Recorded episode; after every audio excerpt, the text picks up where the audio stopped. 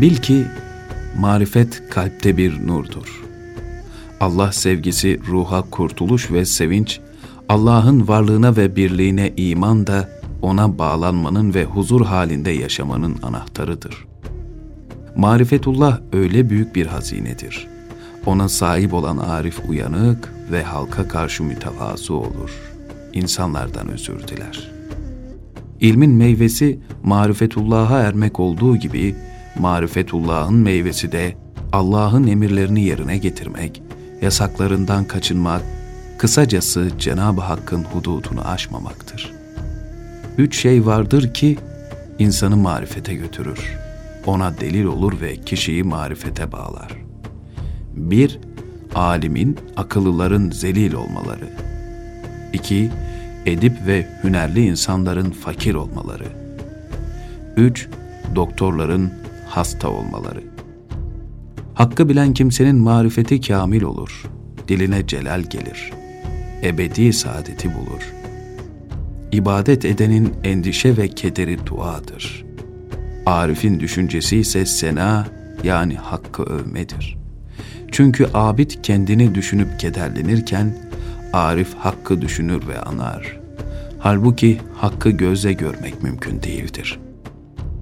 Fakat imanı kamile sahip olan kalpler, Cenab-ı Hakk'ı idrak edebilirler. İlimlerin en faydalısı marifetullah yani hakkı bilmek ve tanımaktır ki bunun yeri de agah olan kalptir.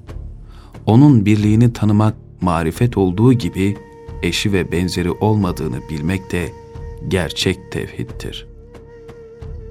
Zira eğer Cenab-ı Hak kendisini bildirmeseydi kimsenin onu tanıması ve bilmesi mümkün olmazdı.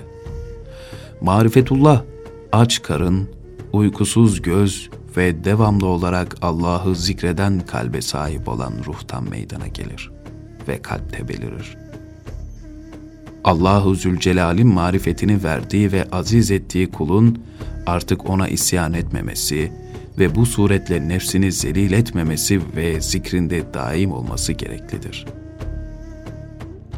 İrfanın hakikati, eşyanın hakikatine vakıf olmak ve eşyayı zatı itibariyle olduğu şekilde tanıyabilmektir. Marifetullah, Cenab-ı Hakk'ın her şeyden önce ve sonra olduğunu, içte ve dışta zahir olduğunu, her şeyi bildiğini, işlerinde hakim olduğunu ve bütün mahlukata bol bol rızıklar verdiğini ve bütün bu vasıflara haiz olanın o olduğunu bilmektir. Marifetullah, Allah'ı bilmek ve O'nun vahdaniyetine ermektir.